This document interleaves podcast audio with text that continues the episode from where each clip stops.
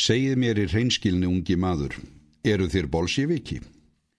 Spurningin kemur flatt upp á eilíf, þótt eitthvað í þessa veru hafi leigið í loftinu allan daginn og honum vefst tunga um tönn. Ég var að spyrja hvort þér séu bolsjeviki, endur tekur rektor og það gætir óþólin mæði rött hans. Það er ekki hægt að þeia af sér þessa spurningu. Svo eilífi tekst að stama því upp að það sé hann áraðanlega ekki. Sjónarvottar hafa þó borið að þér tóku þátt í byltingar sinnuðum aðgerðum bolsjevika fyrir þremur dögum. Þér getið ekki hreinsaðiður að því. Já, ég var með í kröfugöngunni. Og hvað kom yður til að taka þátt í henni? Ég þekki strák sem var með. Þekki þér pilt sem var með. Hmm, máltæki segir að mannin megi þekkja þeim sem hann umgengst. Hmm, og þér segist ekki vera bolsjeviki. Ég, ég held, ég veit ekki hvað það er. Bættur skadi, hm? Þeir tókuð sem sagt þátt í þessari kröfugöngu af því þér þekkið pilt sem var með. Nóa slæmt þó ekki sé annað en það. Rektor þeir drikklanga stund og síslar við blöð á borðinu fyrir framann sig. Eilífur stendur upp á endan og þórir ekki að reyfa sig er þegar búin að fá ónóta herping í magan.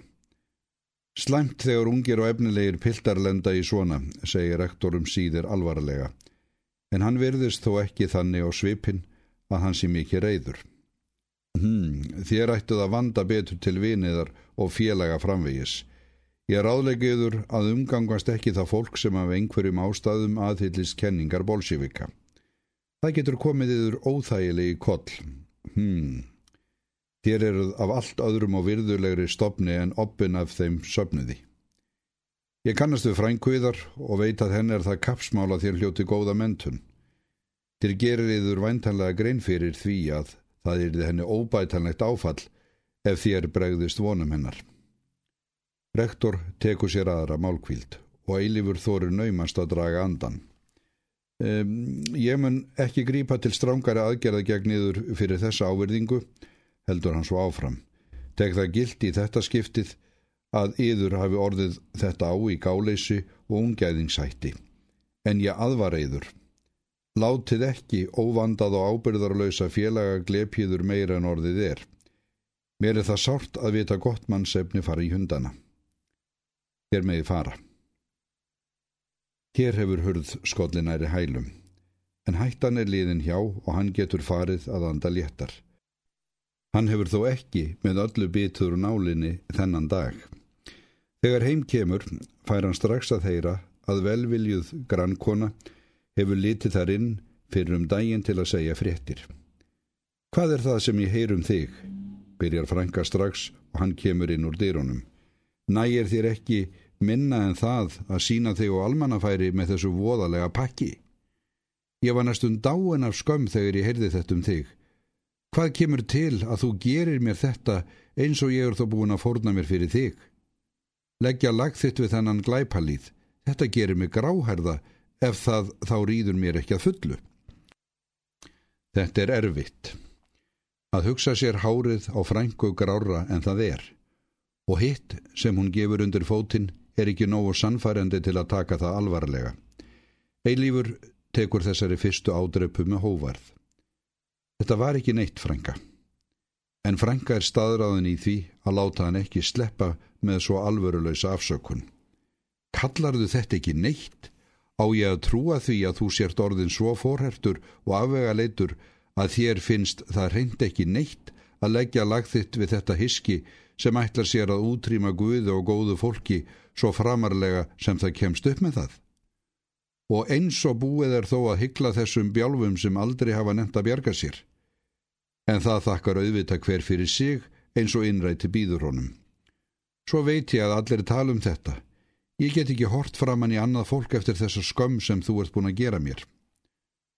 Ásakanir frængu byrjað hita fyrir brjósti. Þetta er tóm vittlisa hjá þér frænga. Ég hef ekki gert neitt voðalegt. Ég var bara með að gamni mínu, fór með halla. Síðasta setningin sleppur upp úr honum í gáleysi því hann hafði ekki ætlað sér að nefna nöfni þessu sambandi. Datt mér ekki hug, segir frænka ógþrungin eins og holskefla. Auðvita var það þessi rauðhærði slöttólfur sem gindi þig út í þetta. Aldrei hef ég geta skilið hvers vegna þú þart alltaf að flækjast með honum eins og ég er þó búin að vara þig við. Ég sá það strax á honum að hann hefur ekki góðan að geima og ég hef fundið það á mér að það eftir að hljóta steitt hvað ílt af honum og þessu slekti sem hann er út af. Já, svo sannarlega hef ég haft rétt fyrir mér, þó með óraði ekki fyrir því að það ætti eftir að verða svona slæmt.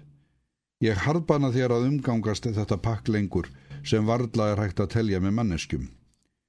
Eilífur hefur hugsað sér að vera kaldur og kærulaus og hrista þess að dæmba af sér með þögn, en áður en hann veit af hefur hitin í brjóstunu bálað upp og rauðir þókubólstrar gert honum dimt fyrir augum. Það er því ekki lengur gamla þögula anstaðan sem Franka horfist í augu við, nú dinur á henni ofsafingin skotríð, hiftarirða sem slær öll vopn úr höndum hennar, svo hún stendur varnarlaus og lömuð af skelvingu. Það er ekki fyrir en drengurinn hennar hefur lokið sér af, ætt inn til sín og skellt og eftir sér hörð að hún byrjar að átta sig á því sem gerst hefur. Það er dapurlegur veruleiki sem hún horfist í augu við þetta kvöld og veit hún sig þó ekki hafa til hans unnið. En frængur ekki fysja saman, svo hún réttir fljótlega úr sér þegar óveðrið er gengið yfir. Þetta er að vísu óskaplegt áfall en drengurinn er þó ekki nema barn en þó þótt hann haldi sig kannski hálgildingsmann. Það er því ekki öll nótt út enn. Ef til vil bligðast eilifur sín undir niðri fyrir óheimiskapin og kannski hefur hann hagað sér heimskulega, en samt er það léttir að hafa leist frá skjóðinni. Þetta var hans persónulega bylting og hann er staðræðin í því að fylgja henn eftir uns fyllur sigur er unnin. Það er hending að hann veitir henni aðtikli, ungri stúlku við búðarglögga skamt undan. Hún verðist haldin logandi áhuga á því sem þar er að sjá, en samt lítur hún í áttil hans eitt andartak, heldur svo áfram að blína í gluggan. Hann kannast við hana. Þau hafði verið bekkja sistkinn í barnaskólanum, en eftir að honum laug hefur hann aðeins séð henni bregða fyrir svo um náinn kynni hefur ekki verið að ræða. Hann hefur aldrei haft áhuga á stelpun svona yfir leitt, en það verður ekki játað, opinskátt, því þá væri hann haldin eitthvað hinsegin af félögum sínum. Hann er ekki hrættur við þær, lítur ekki niður á þær, nei, svo slemt er það ekki. Honum er bara samum þær, hefur ekki átt samleið með þeim fram að þessu. Það er allt og sumt. Hann er á leið heim úr skólanum, veðrið er gott og honum likur ekkert á. Kanski er hún líka slæpast í góðaveðrinu og stödd þarna af hendingu. Hann kæri sig ekkert um að hitta hanna. En það líti ekki vel út ef hún tæki eftir því að hann sniðgengja hann af ásettur á því. Hann heldur því sitt stryk eins og ekkert sé, en þegar hann kemur á hlið við hanna lítur hún upp eins og eftir pöntun. Hann getur ekki látið eins og hún sé ekki til án þess að gera sig beran að ókurteysi og heigulsæti. Sæl, segir stúlkan og verður fyrir til. Sæl, ansar hann í svipuðum tón. Þú ert út að lappa. Veðrið er svo gott, alveg dásamlegt. Þau er á einu málum veðrið, svo það er ekki hægt að tegja úr því umræðu efni lengur. Ert alveg eitthvað sérstakt? spyr hann til að standa ekki orðlösins og glópur. Nei, ekki neitt sérstakt. Ég ekki heldur. Þá er það útrætt mál og þegar tvær manneskjur eru út að labba án þess að eiga sér neitt ákveði markmið og rekast á af hendingu kemur það af sjálfu sér að það er eiga samleið. Þetta er leiðinlega gata, segir stúlkan. Hér er ekkert útsýnin nema beint upp í himinin. Þegar ég fyrir út að labba gengi oftast suður með tjörn. Hann viður kennir að hann leggja oft leið sína þangað þegar hann er ekki að fara neitt sérstakt því það er svo friðsælt. Þau beigi af leið í átt til tjarnarinnar. Hér er fallegt, segir stúlkan þegar tjörnin og umhverfi hennar blasir við. Hér er gott að hugsa, segir hann ósjálfrátt. Þau halda áfram suður tjarnarbakkan. Ég hef oft séð þig hér á lappi, segir stúlkan. En ég hef aldrei tekið eftir þér. Það er ekki von, segir hún, og það vottar fyrir stríðinni í röddinni. Þú tekur aldrei eftir neinum. Hvernig veistu það? spyr hann meira hissa en móðgæður, af því, uh, af því ég hef oft mætt þér hér án þess að þú sægir mig, eins og ég væri ósýnileg. Það er ekki löst við ásökunartóni rött hennar. Þá hef ég ekki verið farin að þekka þig, segir hann þótt hann viti það haldlösa afsökun. Ég tek aldrei eftir fólki sem ég þekki ekki neitt eða sama sem ekki neitt. Það er allt saman eins. Er ég eins og allir aðrir? Þú varst það á meðan ég tók ekki eftir þér, en nú þekki ég þig. Þú getur þá ekki lengur gengið fram hjá mér eins og ég sé ekki til. Maður getur gengið fram hjá kunningum sínum eins og þeir séu ekki til ef maður er að hugsa um eitthvað allt annað. Mér finnst gaman að virða fyrir mér fólk sem ég þekki ekki neitt, segir stúlkan, þá ímynda ég mér hvernig það muni vera. Mér var þar ekkert um ókunnugt fólk, ansar pilturinn. Ef það bara vissi hvað ég held um það, segir stúlkan á þess að láta tröblast. Svo hlær hún eins og henni hefði dottið eitthvað skrítið í hug. Hvað er það sem þú ímyndað þér um fólk? Ég get ekki sagt það. Nei, það er víst ekki alltaf fallegt eða gáfulegt sem er dettur í hugum ókunnaga. Það er nógu ljótt að láta sér detta eitthvað misjamt í hugum kunninga sína. Um hvað ert að hugsa þegar þú gengur hér einn, spyr stúlkan. Ég veit að varla sjálfur, ansar hann treglega. Það er ekki alltaf hægt að koma orðum að því sem aður hugsar. Ég hef stundum verið að hugsa um hvað þú hugsar, segir stúlkan einleg. En ég hef aldrei geta ímynda mér það. Þú ert svoleiðis. Hún fagnar snöglega eins og hún hafi talað af sér. Hvernig svoleiðis? Spyr hann ekki laus við tortrygni. Já bara við, þú ert ekki eins og aðri strákar. Ég veit ekki hvernig og kannski er það bara vittleisa. Mér er sama, ansar pilturinn kæruleisislega. Ef ég er eitthvað öðru vísi en aðrir, er það af því að ég vil vera það. Stúlkan ígrundar svarið litla stund. Mér hefur dottið það í hug, segir hún svo, en ég veit bara ekki af hverju, þú vilt ekki vera eins og aðrir. Næstum allir vilja vera það. Af hverju má maður ekki vera eins og mann langar til? Ef maður er ekki eins og aðrir heldur fólk að maður sé eitthvað skrítinn, segir stúlkan. Og margir eru bara eins og aðrir af því þeir þór ekki að vera öðruvísi. Ég vil fá að vera eins og ég er, segir pilturinn með óþarflega miklum hýta í röddinni. Ég vil ekki vera eins og aðrir, en kannski er ég of kjarklaus til að standa við það. Nei, nei, segir stúlkan ákvöf, þú ert ekki huglaus, ég veit það. Hvernig veistu það? Af því, af því þú gerðir það sem varðla nokkur annar strákur þorð að gera. Hún ber ört á til að vera ekki slegin út á læginu.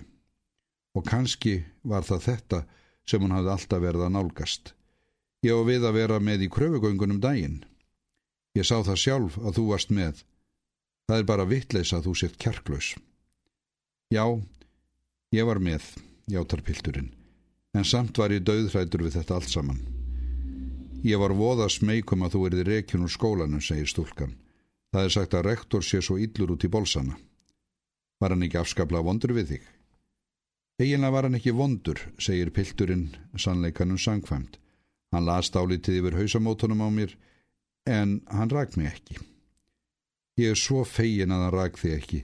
Það hlýtur að vera voðalegt að vera rekin úr skóla út af svona.